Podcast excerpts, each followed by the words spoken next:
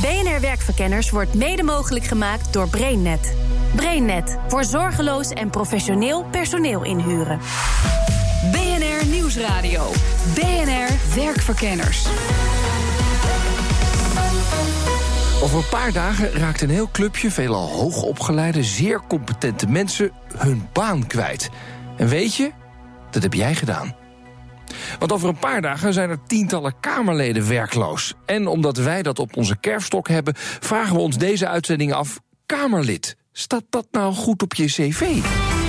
BNR Werkverkenners. Met Rens de Jong. We vroegen het deze week eerst aan jullie via LinkedIn. En wat blijkt, jullie mening is zeer verdeeld. 46% vindt het goed op een cv staan. 54% vindt het niet goed op een cv staan. En daar zitten interessante commentaren van de luisteraars bij, maar die krijg je zo meteen. Vandaag spreek ik met oud-Kamerlid en politiek deskundige Arend-Jan Boekenstein. Uh, zeg, ben je niet die ene van BNR in het weekend? Ik ben bang van wel. Arend-Jan had razendsnel weer een baan nadat hij stopte in de Kamer. Ik heb mijn baan op de universiteit aangehouden. Je mag, als je Kamerlid bent, mag je nog één dag elders werken. Hè? In het kader van dan hou je contact met de maatschappij. En in die baan ben ik teruggegaan. Ah, vandaar. Hoe noemen ze dat ook alweer in Den Haag? Het was gewoon een parachute. Omdat het toch heel lastig is voor Kamerleden om iets te vinden vind ik het wel belangrijk dat als je dus de politiek ingaat... dat je dus echt een vak goed kan en dat je ook ergens in, terug kan gaan. Ja, ja. Ging vroeger wel anders. Weet je, het vroeger ging dat CDA, die we run this country, hè? En die regelde gewoon allerlei burgemeesterschappen. Je zag het ook gebeuren aan die tafels. Hè? Ja, nu moeten Kamerleden tegenwoordig zelf wat zoeken. En ze moeten zich zo snel mogelijk in het diepe storten. Zonder vangnet. Zo zegt Boekenstein. Het is heel gezond om ook uh, gewoon uh, het water aan de lippen te doen staan. Want dat wordt de mensen heel creatief van. Arend-Jan Boekenstein zat van 2006 tot 2009 voor de VVD in de Kamer... en heeft mede het ontwikkelingsbeleid van de partij uitgestippeld. Maar in 2008 kwam hij in de problemen toen hij off the record een gesprek had met Maarten van Rossum dat wel gefilmd werd. je hoort het maar net, maar hij was behoorlijk kritisch over Mark Rutte. Het gaat ook om het praktische beleid. Wat dat betreft is Rutte een beetje het hoofd in de wolken en zo. Eh, allemaal, allemaal van, die vage, van die vage ideeën waar je, natuurlijk, waar je politiek verder geen reet aan hebt, toch? Geen idee schokkend hoor. Nou, dat was uh, niet een hoogtepunt in mijn politieke carrière, kan ik vertellen. Maar is dat de enige reden? Ja, later was het nog met de koningin. Hè, dat ik, ik, heb, ik heb dus de, de on, onvoorstelbare uh, stomheid begaan door te zeggen dat wij een hele verstandige koningin hebben. Die verstandige ideeën heeft. En dat is, we kwamen terug van, de, van het paleis en met 50 kamerleden. En dan mag je helemaal niks zeggen. Nou, dat heb ik wel gezegd. En dat liep, dat liep een beetje uit de hand. Ja. ja, nu kan hij er wel om lachen. Uh, en dus wil hij het ook wel met mij hebben over werk vinden na het Kamerlidmaatschap. Dat is nu veel lastiger, want politici hebben veel minder aanzien. Vroeger was dat echt een, eh, een beroep met, met status. Mensen deden dat ook heel lang. Die deden dat misschien wel 10, 15, 20 jaar. Het is ook echt een vak. Hè? Ik vind dat we bewondering moeten hebben voor professionele politici. Je moet namelijk deals sluiten. Je moet proberen 76 handtekeningen te krijgen onder je motie. Want dan, dan heb je hem. Hè? Maar het klinkt, vroeger was het goed op je cv, tegenwoordig niet meer nou, goed op je cv? om te beginnen is het een aantal dingen. Het aantal uh, leden van een politieke partij is dramatisch gedaald. Waardoor dus de recrutering van nieuwe Kamerleden moeilijker is geworden. En dat gaat natuurlijk ook met kwaliteitsverlies gepaard. Het eerste probleem. Het tweede probleem is de omloopsnelheid is gigantisch. Sommige mensen zijn twee jaar Kamerlid en dan zijn ze weer weg. En het derde is dat de samenleving is ontzuild, veel mondiger geworden. En heeft helemaal niet uh, bij voorbaat uh, eerbied voor een Kamerlid. Dus ik, ik zou de stelling wel durven te verdedigen. Als je als Kamerlid niet een, een bepaald vak heel goed kan dan wordt het lastig daarna. Het bedrijfsleven vindt vaak Kamerleden een beetje arrogant. Die zijn gewend aan een, aan een koninklijke behandeling. Hè? En uh, dus dan moet je eerst maar eens eventjes uh, laten zien wat je kan. Maar word je dan zo arrogant van een kamerzetel? Mm, daar wil ik wel meer over weten. En ik weet wel iemand die insights heeft. Ja, mijn naam is uh, Jan Vos. Ik ben 15 jaar lang ondernemer geweest. Internetbedrijf opgezet, verkocht. Eigen private equity maatschappijtje opgezet. Mee geïnvesteerd in emerging markets. Ook verkocht. En uh, afgelopen 4,5 jaar ben ik Tweede Kamerlid geweest voor de Partij van de Arbeid. Jan stopt na vier jaar als Kamerlid. Hij heeft er altijd op gelet dat hij niet verandert door de goede behandeling. Dat speelde ook mee bij mijn besluit om nu echt wel uh, ermee op te houden. Uh, ik maar ben is nog, het zo? Ik ben, nog, ik, ben, ik ben nog wel een beetje normaal. Want ik kan me nog herinneren hoe het was om gewoon, om, om, om, om gewoon als burger door het leven heen te gaan. Maar word je een beetje abnormaal dan als Kamerlid? Maar je wordt wel een beetje, ja, je wordt wel een beetje verwend. Ja, overal waar je komt staan, niet overal, maar vaak staan mensen in de rij en, en word je met veel ega's behandeld. Ja, dat, dat, dat hoort bij die functie. Alleen als je je hele leven uh, uh, dat soort functies doet, als je dat een lange tijd doet, dan denk je dat het bij jou hoort en niet bij de functie. En uh, ja, dat moet je natuurlijk niet door elkaar in gaan halen. Eh, had je het bedacht, één termijn Kamerlid? Ik had bedacht dat ik in ieder geval die ene termijn uh, graag uh, wilde afmaken. Uh, dat is gelukt. niet iedere politicus zwaait met een ongeschonden reputatie weer af. Ben je daarmee bezig als Kamerlid? Ehm, ongeschonden zeker, blijven? Zeker, ja hoor. Risicomanagement is niet alleen in het bedrijfsleven en als je investeringen doet belangrijk, maar ook in de politiek. En dat zie je ook. Je ziet een aantal politie in zo'n in zo'n periode gewoon kopje ondergaan. Door een ondoordacht telefoongesprek. Uh, of door een uh, verkeerd etentje met de verkeerde persoon, een, een te, te, hard, te, dure fles wijn. Te hard bellend in de trein. Ja, precies. Ja. Het is maar één termijn. Nou, het is wel uh, 4,5 jaar, vijf met de verkiezingen meegerekend van je leven. Um, en ik denk dat na vijf jaar van functie verwisselen, dat is niet zo heel erg gek. Uh, je moet dan bedenken ook, uh, ja, wil ik nog eens een keer vijf jaar lang mijn leven volledig in dienst stellen. Uh, van mijn werk. Uh, ik, ik, hou van hard werken. Maar de politiek is natuurlijk de spreekwoordelijke 24 uur business.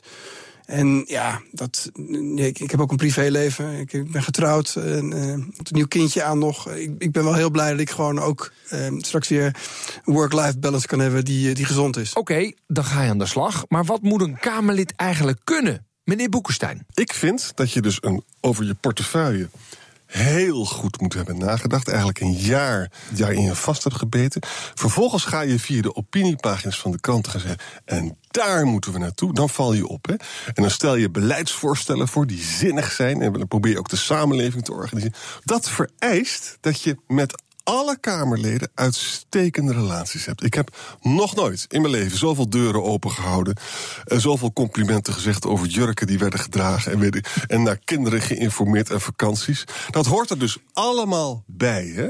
Want als je daar arrogant gaat lopen doen. Stel je voor dat je intellectueel bent en je gaat dan een beetje college lopen. Kun je het vergeten. Je moet ook het ambacht kennen en proberen mensen over te halen om voor jouw uh, voorstellen te stemmen. Ik, het bedrijfsleven is voortdurend bezig met netwerken op elkaar aan te sluiten die ertoe leiden dat het bedrijf kan groeien. Nou, dat, doet Kamer, dat doen Kamerleden ook. Van met de meest onmogelijke combinaties dat doen. Het vermogen tot samenwerken, dat klinkt als lullen als brugman. Ja, dat hoort er ook bij. je moet gewoon onvoorstelbaar veel investeren um, uh, in, in, in het werken met anderen en ook in een wat meer ambtelijke setting. Um, in het bedrijfsleven was ik gewend om, nou ja, als je iemand op de gang spreekt en, en je zegt, zullen we het zo doen? Eh, dan, nou oké, okay, en, en, vervolgens ga je aan de bak. Ja, in Den Haag is het dan toch wel de cultuur dat je even bij elkaar gaat zitten. En dan wordt er al snel een uur ingepland in de agenda voor hetzelfde onderwerp. Wat ben je blij dat je nooit meer hoeft te doen? Nou, een uur zitten voor iets wat je in vijf minuten kunt bespreken, dat vond ik heel vervelend. Zijn er meer dingen? Eigenlijk vond ik, vond ik het wel ongelooflijk leuk. Ik heb het enorm naar mijn zin gehad. Uh, de combinatie van, van uh, toch wel vrij. Ik denk dat dat echt onderschat wordt, vrij intellectueel werk. Hè. Dus als je. Ik was verantwoordelijk voor energie. Uh, en klimaat. Nou, dat is een razend ingewikkelde wereld. Met hele grote maatschappelijke problemen. En daar ben je dan toch, um, zo voelt het in ieder geval, eindverantwoordelijk voor als je in de Kamer je hand opsteekt. Um, en dat is, dat is fascinerend om te doen. Ik vond de, arena heel erg leuk, de, het politieke debat. Ik vond het media heel erg leuk. Hier bij jullie in de, in de studio, s ochtends om zeven uur. De scherpe interviews. Ja, soms de, de, het, het dat je bijna in je nek voelt, uh, voelt komen. Maar ook de, de, de victorie als je iets binnenhaalt. Uh, nou, dat is fantastisch. Waar komen al deze ervaringen in het bedrijfsleven van pas? Ik heb namelijk het gevoel dat er geen baan is voor jullie. Voor deze toch hele unieke specialistische werkzaamheden? Het is een ander uh, métier. Uh, maar er zijn toch ook wel heel veel overeenkomsten. Uh, als, als ondernemer uh, gaat het uiteindelijk om dat je resultaten boekt. En, en, en, wil je graag. Ehm, ja, je wilt uiteindelijk wil je graag gewoon het onder de streep dat er, een, dat, dat er een getal staat wat positief is en wat zo, wat zo hoog mogelijk is, zodat je veel geld verdient. Maar je wilt ook maatschappelijk impact hebben. En uh, heel veel, dat is ja, maar dit, veel meer Jan, dit is allemaal heel dan- breed. Dat, natuurlijk, dat, zo, zo kan ik alles recht lullen. Maar ik, snap, ik zie niet Ah, zo duurt snel... Kort, duurt te kort aan, want Ja? in Den Haag is het eigenlijk niet anders. Eh, de, de begroting moet kloppen aan het eind van het verhaal. Maar je wilt ook zoveel mogelijk maats- positief maatschappelijke impact hebben. En dan jullie, onze luisteraars. Een paar quotes uit onze enquête. Rutger zegt... Nou ja, wanneer je lid was van een serieuze partij... staat het goed op je cv. Was je lid van een populistische foppartij... dan vrees ik dat het tegen je gaat werken. Jan Julius, zeer uitgesproken... Een ex-politicus, zo zegt hij, kent de wegen, de beslissingsbevoegdheden... om een bepaald draagvlak binnen de politiek te creëren.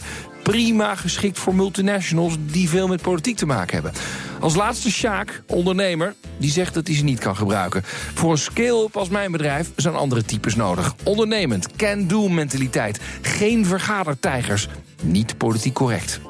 Ja, meningen zijn dus verdeeld onder jullie, de luisteraars. Is er misschien wetenschappelijk onderzoek gedaan? Hallo, ik ben Nelson Mesker. Ja dus. Hij is bezig met zijn master economie in Italië, zit tussen de boeken in een bibliotheca. Hij onderzocht waar de Kamerleden tussen 2006 en 2016 terecht zijn gekomen. Zijn belangrijkste conclusie? Als je ofwel hoog op de lijst staat, op de partijlijst staat tijdens de verkiezingen, ofwel laag, dan is de kans groter dat je in de private sector terechtkomt. En als je midden in de lijst staat, wat dan?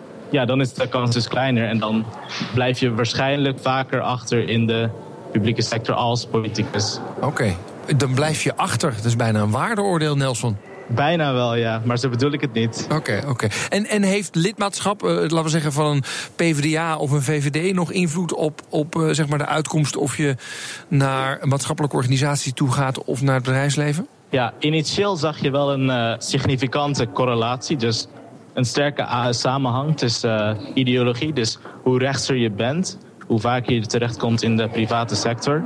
Maar wanneer je controleert voor eh, achtergrond, dus stel dat je als politicus voordat je de politiek inging ook in de private sector zat, dan zie je dat het de significante correlatie tussen ideologie en baankans in de private sector verdwijnt. Ja, ja. Het, het is gewoon waar je vandaan komt, dan ga je weer naar terug. Ja, zo zou je het kunnen zien, ja. Ja. Zegt, heb je uitgezocht hoe lang het duurt voordat een Kamerlid, een gemiddeld Kamerlid, weer een baan heeft? Gemiddeld gezien is dat niet heel lang, een jaar. En dan, dan is de maatstaf die ik heb genomen ook weer niet heel precies. Want voor mijn dataverzameling was ik eh, heel erg afhankelijk van de bronnen die ik zag op het internet. Dus als een politicus na, nadat hij de Tweede Kamer heeft verlaten een klein klusje erbij neemt, dan zie ik dat niet terug. Zometeen ga ik verder met mijn onderzoek en hoor je... Voor Jesse Klaver hebben jullie zo een baan gevonden. Dat lijkt me niet vreselijk ingewikkeld. En Arend Jan Boekenstein vertelt je dat je veel makkelijker wachtgeld krijgt... dan dat je ervan afkomt. Toen heb ik eens gebeld naar die instantie in Maastricht. een prachtig verhaal. Ik zei, luister eens, ik heb dat wachtgeld niet nodig... want ik kan gewoon zelf geld verdienen. Nou, dat kon niet. BNR Nieuwsradio. Werkverkenners. Hallo, ik ben Rens de Jong en vandaag onderzoek ik of Kamerlid goed staat op je cv. En dat doe ik met oud-Kamerlid en politiek duider Arend Jan Boekenstein... en vertrekkend Kamerlid voor de PvdA Jan Vos. Je hoort er wel eens dat politici gaan lobbyen voor het bedrijfsleven nadat ze uit de Kamer zijn gegaan. Zo stopte bijvoorbeeld Kamerlid voor de VVD Bart de Liefde, mededinging in zijn portefeuille, en ging lobbyen voor Uber. Kan dat eigenlijk wel? Ik vind het eigenlijk toch wel heel problematisch... dat mensen eerst lobbyist zijn... dan worden ze Kamerlid en dan gaan ze er gewoon mee door... en dan zijn ze weer lobbyist. Ik heb met ontwikkelingsorganisaties meegemaakt. Dat was echt ongelooflijk. Die NGO's hadden hun eigen lobbyisten in de Kamer. Die stuurden moties kant en klaar aan mij op of ik even mijn handtekening wilde zetten. Nou, dat dacht ik dus niet. Hè? En ik hoorde dat, ik deed dat niet, maar ik zag het terugkomen bij andere partijen. GroenLinks deed dat bijvoorbeeld, of de SP. Het is toch wel heel belangrijk dat je afstand houdt van. Uh, dat is waarschijnlijk mijn telefoon. Oh, jouw telefoon? Je wordt gebeld voor een nieuwe baan. Ja, nee, ja denk, je, denk je dat het... Uh... Nee, dat heb ik niet nodig. uh, dus, dus we zetten de telefoon even uit. Wacht even. Ja. Ik, zal niet, ik zal niet opnemen. Ik zal niet opnemen. Het zal Mark, je hebt wel een hele... Het zal Mark Rutte wil zijn. Ja, het zal Mark Rutte zijn. Ik ben weer te ver gegaan. Ja, goed. Hij zit hier. Waar, waar? Oh, hier. Ik heb hem al. Ja, ja, ja, ja oké. Okay. Ja, uh, Agent Jan zet even zijn telefoon uit. Jan Vos, lobbyen. Iets voor jou? Nou, daar heb ik geen zin in. Ik heb die mensen afgelopen jaren... Nee, dat vond ik niet heel erg verheffend. Ik, ik vind wel dat je. Ja, stel nou dat er iets is in de toekomst, dan mag je natuurlijk gebruik maken van je netwerk en je mag daar een keertje binnenlopen. Um, maar ik ga niet op een lobbykantoor uh, werken en ik ga ook niet zelf een lobbykantoor starten. Dat is niks voor mij. Ik heb uh, een keer uh, over dat lobby, ik heb een keer Ben, ben Bot op bezoek gehad. En die kwam daar heel. Die zei: Ja, ik kom met u onderhandelen. Dat zei hij echt. En hij was natuurlijk minister geweest. Dus ik had best wel. Ik was nog aan het begin van mijn Kamerlidmaatschap. Dan heb je ook nog wat meer ontzag voor ministers. Maar ik zeg, ja, meneer Bot, ik zeg, het spijt me, maar onderhandelen, daar kan geen sprake van zijn. Want zoals u weet ben ik lid van de Nederlandse Volksvertegenwoordiging. En u bent een burger. En er wordt niet onderhandeld uh, met de volksvertegenwoordiging in Nederland. Dat begrijpt u? Nee, nee, nee, oké, okay, nee, dat begrijp ik. Nou, dat vind ik een positie. Dan heb je echt niet begrepen hoe het. Uh, uh, ja, hoe het, hoe, het, hoe het werkt in Nederland. Oké, okay, niet lobbyen. Maar kan je dan wel in je werkgebied, waar je als Kamerlid actief was, een baan gaan zoeken? Of mag dat ook niet? Dat kan. Dat zou ik ook wel. Dat zie ik wel als een, als een reële optie. Maar het is wel lastig, want als je bijvoorbeeld kijkt naar nou, een groot Nederlands energiebedrijf, Nederlands-Brits energiebedrijf uh, Shell. De, die opereren uh, in Groningen uh, met, met, een dochtermaatschappij waar ze voor de helft aandeelhouder zijn. De NAM. Ja. De NAM.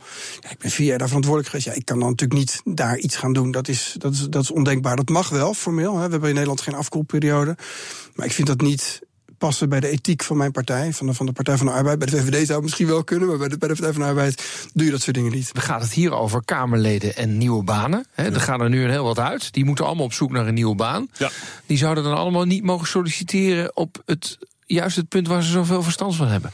Nou, kijk, er zijn regels voor. Hè? Van, uh, in Amerika is het geloof ik zo dat je dan twee jaar lang of zo niet meer mag bij, bij die bank uh, mag werken. Hè? Bij ons was het zo dat. Uh, uh, Camille Eurlings kon gelijk naar uh, KLM, weet je nog? Ik had dat wel netjes gevonden als daar twee jaar tussen had gezeten. Ik vind, ook daar, daar kun je gewoon goede wetgeving uh, op maken. Terug naar Jan Vos. Zitten er al headhunters achter me aan? Ik ben wel gebeld, maar de meer interessante gesprekken die ik heb gehad... het was eerlijk gezegd toch wel als ik zelf iemand benaderde. en dat ben je nu al aan het doen? Ja, ik heb wel hier en daar verkennende gesprekken gehad. Ja, wel, wel voorzichtig, want je opereert natuurlijk. Ik ben nu nog steeds formeel uh, Kamerlid. Um, maar goed, iedereen weet ook dat je afscheid neemt. En je kunt wel een, een verkennend gesprek hebben, een kopje koffie drinken over hoe het nou allemaal was, waar de wereld naartoe gaat en wat er eventueel uh, na 22 maart uh, zou kunnen gaan gebeuren. Maar ik heb verder nog niets concreet voor ogen. Over headhunters gesproken. Verslaggever Martijn de Rijk ging op bezoek bij partner Ralf Knechtmans van De Vroet en Thierry in Amsterdam. Daar staan de Kamerleden nou nog niet echt in de rij. Ze zullen zich niet al mas gaan, uh, gaan melden, want politici zijn net mensen. Nee, doen ze dat niet? Nee, die gaan het eerst een paar weken verwerken als ze serieus uh, verloren hebben en zich moeten beraden op de toekomst. Uh, daarna gaan ze zich mondjesmaat melden. Overigens is het zo in mijn vak dat wij binnen mijn vakgebied vaak heel veel liever die mensen zelf benaderen. Dus dan komt er een bedrijf of een NGO die komt bij jullie en die noemt een, een, een mogelijk uh, kandidaat of zo. En hoe gaan jullie dan verder te werk? We werken met een criteriumgericht interview. En dat klinkt heel ingewikkeld, maar dat is heel simpel. Het gaat om vijf tot zes uh, persoonskenmerken, competenties en drijfveren wat iemand beweegt. En op basis daarvan gaan we iemand zoeken die daarop past. En dan moet ik bijvoorbeeld denken aan bestuurlijke ervaring en dat soort uh, dingen. Ja, dan moet je denken aan bestuurlijke ervaring. Dan moet je denken aan een groot politiek netwerk in Den Haag. Of dossiers. Ik bedoel, uh, ik de, de, de, woordvoerder verkeer en waterstaat of zo? Ja, zou zomaar kunnen. Hele gerichte dossierkennis. Hè. Maar ja, er zijn natuurlijk ook gewoon Kamerleden... die uh, misschien niet per se gezocht worden... en die zelf toch ook wel graag een baan hebben. Ja, en het eerlijke antwoord daarop is dat het afhankelijk is van je profiel. Als je al 30 jaar uh, Kamerlid geweest bent en je wil op je 60ste nog een keer switchen naar de particuliere sector, dan is dat echt wel ingewikkelder dan wanneer je uh, begin 30 bent. Uh, zoals Jesse Klaver en ook nog andere dingen in je leven gedaan. Voor Jesse Klaver hebben jullie zo'n baan gevonden? Dat lijkt me niet vreselijk ingewikkeld. De partijleiders en de ministers en de staatssecretaris is gemiddeld genomen makkelijker dan voor uh, Kamerleden die hun hele carrière alleen maar Kamerlid geweest zijn. Ascher bijvoorbeeld, hè, die, uh, nou, van kun je je voorstellen dat hij iets anders mag gaan, uh, wil gaan doen. Um, ja, die komt toch wel via het politieke circuit uiteindelijk aan de man? Ja, dat is helemaal niet gezegd dat die partij als die van ons nodig heeft. Maar ik denk wel dat hij veel opties zou hebben. Omdat hij uh, waarnemend burgemeester geweest is in de tijd dat Job Cohen vertrok. Daarnaast is hij uh, uh, gepromoveerd en docent informatierecht geweest. Dus hij zou ook prima hoogleraar kunnen worden of de baas van een universiteit. Allemaal vrij voor de hand liggend. dus die heeft best wel veel opties, zo iemand. Stel nou dat de VVD niet meedoet in het nieuwe kabinet. Melanie Schultz of zo, Schiphol... Ja, ik denk dat de, de uh, kansen van Melanie Schultz van Hagen ook best goed zijn. Er zou zomaar uh, de baas van Schiphol kunnen worden of uh, de baas van een NS. Hè. Roger van Bokstel heeft laten zien dat dat geen irreële optie is. En dat Als de Kamerleden kunnen daar terecht, ja? of politici? Ja, of ProRail, maar die, die posities zijn op, de, op dit moment absoluut niet vakant. Maar even voor de discussie zou dat allemaal best voor de hand liggend zijn. Zijn er partijen waar het dan toch nog moeilijk wordt? Nou, in, zijn algemeenheid maakt het niet zoveel uit of het gaat om rechts of links. Wat wel er gewoon toch uh, iets genuanceerder ligt... is partijen met een uh, fermer standpunt. Hè. Bijvoorbeeld uh, de, de PVV zorgt toch gemiddeld genomen af en toe voor een aarzeling. Is het dan einde carrière voor die mensen? Of... Nee, want die mensen kunnen natuurlijk prima goede inhoudelijke expertise hebben... of vaak ervaringen in andere domeinen opgedaan hebben. Maar als toezichthouder of als voorzitter van een branchevereniging... hele zichtbare uh, posities waar je ook een boegbeeldfunctie hebt... dat is ingewikkelder. Is het zoveel lastiger voor een PVV'er om aan een baan te komen dan een PvdA? Jan Vos? Nee, bij de PVV is het veel moeilijker. Maar de Partij van de Arbeid is natuurlijk wel een heel uh, gerespecteerde partij. En heb je dan medelijden met jouw PVV-collega's? Nee, maar iedereen die moet in zijn uh, leven. Daarin ben ik dan wel heel liberaal. Iedereen maakt zijn eigen keuzes. Uh, uh, en mensen die, die voor de PVV kiezen, ja, die kiezen voor een partij die niet democratisch is. die bij tijd en wijle, waarvan de, waarvan de lijsttrekker veroordeeld is. voor de Nederlandse rechtbank, voor het doen van racistische uitlatingen. Ja, een partij met, met, met licht fascistoïde kenmerken, als je het mij vraagt. Ja, dan, dan denk ik ja eh, dan moet je niet verwachten dat je ook zomaar weer aan de bak komt in Nederland. Ja, maar dan staat het dus echt als een smet op je cv. Nou, dat moet iedereen zelf beoordelen. Maar, maar, maar het is algemeen bekend dat uh, leden van die fractie, van de PVV, lastig aan een baan komen. En ik denk dat dat verklaarbaar is. Ach ja, medelijden hoeven we ook niet te hebben hoor. Er is toch een wachtgeldregeling? Arjan, terecht? Nou, op zichzelf genomen is het goed, maar het is ook wel zo. Zolang je geld hebt, dan is de druk minder. Hè? Weet je, ik had recht op wachtgeld, maar ik kon gewoon door met allerlei andere dingen. Toen heb ik eens gebeld naar die instantie in Maastricht. is een prachtig verhaal. Ik zei: luister, ik heb dat wachtgeld niet nodig, want ik kan gewoon zelf geld verdienen. Nou, dat kon niet. Dat was geen optie die bestond. De wachtgeld kon niet afgezegd worden. Toen heb ik gezegd: nou, weet je wat, dan stuur ik je de, letterlijk de afschriften van mijn giro's dan kun je me 0 euro uitkering geven. Nou, dat kon. Dat was, dat was de, het computerprogramma kon dat aan. Computer says yes. Dus ik heb dus heel, elke maand heel braaf verteld dat ik verdiend heb. En dan kreeg ik 0 euro uitkering. Ja. En toen hoorde ik ook van hen dat niemand dat eigenlijk deed. Dat veel mensen dus, die keken dus om zich heen. En dat kon jaren duren. 38 maanden is het wachtgeld. Hè? Hoeveel maanden ga je er gebruik van maken? Nou, ik, ben, uh, ik, ben niet van, ik was zelf eerlijk gezegd niet van plan om het langer dan drie maanden te doen. Um, dus ik, ik, heb al, ik heb eigenlijk al wat, in ieder geval wat, wat, wat dingen op het oog voor direct na, uh, nou in ieder geval begin april, uh, om, om, om een stuk uh, gewoon eigen inkomen weer te genereren. Een oud winstpersoon zei tegen mij: uh, ja, neem toch wel even de tijd, neem toch wel even een half jaar de tijd om echt af te kicken van de politiek. Dus prima als je, een, als je een opdracht doet in die periode. Maar besluit dan pas wat je als vervolg wil doen. Want je, hebt, je komt uit zo'n heksenketel. En je hebt jezelf zo. Um, uh, ja, je, je, bent zo afgeleefd van dat, van dat werk. Dat je even moet, opnieuw moet kalibreren. En neem daar echt even de tijd voor. Nou, ik weet niet of ik, het, of ik dat red. Maar uh, dat is wel de absolute max. Staat het goed op je cv, Kamerlid? Nou, ik denk dat die, die start-ups die ik ben begonnen, die ik weer heb verkocht, dat dat beter staat dan. Uh, ja, zeker weten dan, eh, dan het Kamerlidmaatschap. Dat denk ik wel. Ja, als je in ieder geval wel, als je wilt gaan solliciteren weer en een nieuwe onderneming wilt opzetten. Maar kortom, dus uh, je schrijft het zelf niet heel hoog aan, begrijp ik. Jawel, het Kamerlidmaatschap is, dat, dat vind ik het, het hoogste en het mooiste. Uh, wat, je kunt, uh, wat je kunt doen. Ik vind het ook het leukste wat ik ooit heb gedaan. Dat zeg ik er ook meteen, ook meteen bij. Ik heb daar ook een, nogmaals hele intelligente, uh, bewogen mensen ontmoet. Ja. In de top van mijn eigen partij. Mensen als Diederik Samsom. Mensen als Jeroen Dijsselbloem. Dat zijn fantastische mensen die zich dag in dag uit inzetten... Ja. voor een heel bescheiden vergoeding. Ik merk bij de meeste mensen in het bedrijfsleven... Uh, die ik spreek nu, en ook een headhunter die ik sprak... en die zei, ja, luister, als jij nooit iets had gedaan uh, buiten de politiek... voor die politieke loopbaan, dan was het echt lastig geweest. Maar je hebt een heel mooi cv opgebouwd voordat je de politiek inging. Je hebt in de politiek goed gedaan.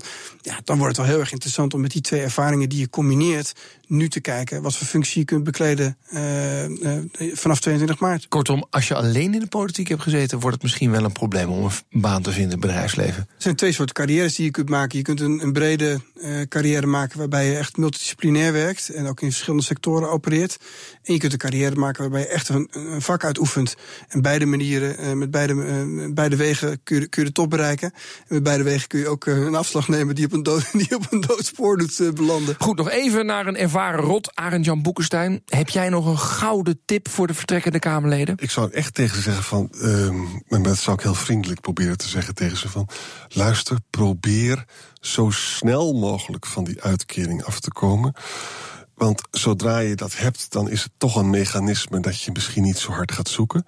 En ga vanaf dag één kijken waar je terecht komt. Neem ook iets aan, misschien onder je niveau. Want het is natuurlijk gewoon veel leuker om te werken dan uh, op de bank te zitten. En, uh, en probeer uh, los te komen van je politieke partij. Het moet niet in het leven zo zijn dat jouw toekomst afhankelijk is van een partij. Dat moet je, moet je met je eigen knuisten moet je dat doen. En er zijn best mogelijkheden. BNR Werkverkenners. De conclusie. De vraag was deze week: staat Kamerlid goed op je cv? Punt 1. De vraag is: had je al een beetje goed cv voordat je de Kamer inkwam? Punt 2. Ben je lid van een mainstream partij? Is het makkelijker dan als je lid bent van een extremere partij? Punt 3. Het hangt er ook vanaf of je tijdens je Kamerwerk of daarvoor een beetje goed netwerk hebt opgebouwd. En punt 4. Er is een troost. Ze hebben 38 maanden om een nieuwe baan te zoeken, maar hebben gemiddeld na een jaar al ergens anders plooi. Dus staat Kamerlid goed op je cv? Mm, waarschijnlijk wel. Volgende week een vraag die tijdens de formatie wel eens een punt zou kunnen worden. Met 1,3 miljoen ZZP'ers, waarvan een gedeelte maar goed verzekerd is tegen arbeidsongeschiktheid, wordt het niet tijd voor een mini-sociaal stelsel voor alle werkenden? Nou, ik denk dat het er niet van gaat komen. En het is ook heel lastig uitvoerbaar. Wil je deze of andere uitzendingen vinden? Check dan de podcast op iTunes of de BNR-app. En updates en contact met de redactie kan via de LinkedIn-pagina BNR Werkverkenners. We nemen je blind aan. Tot volgende week. BNR Werkverkenners wordt mede mogelijk gemaakt door BrainNet. BrainNet voor zorgeloos en professioneel personeel inhuren.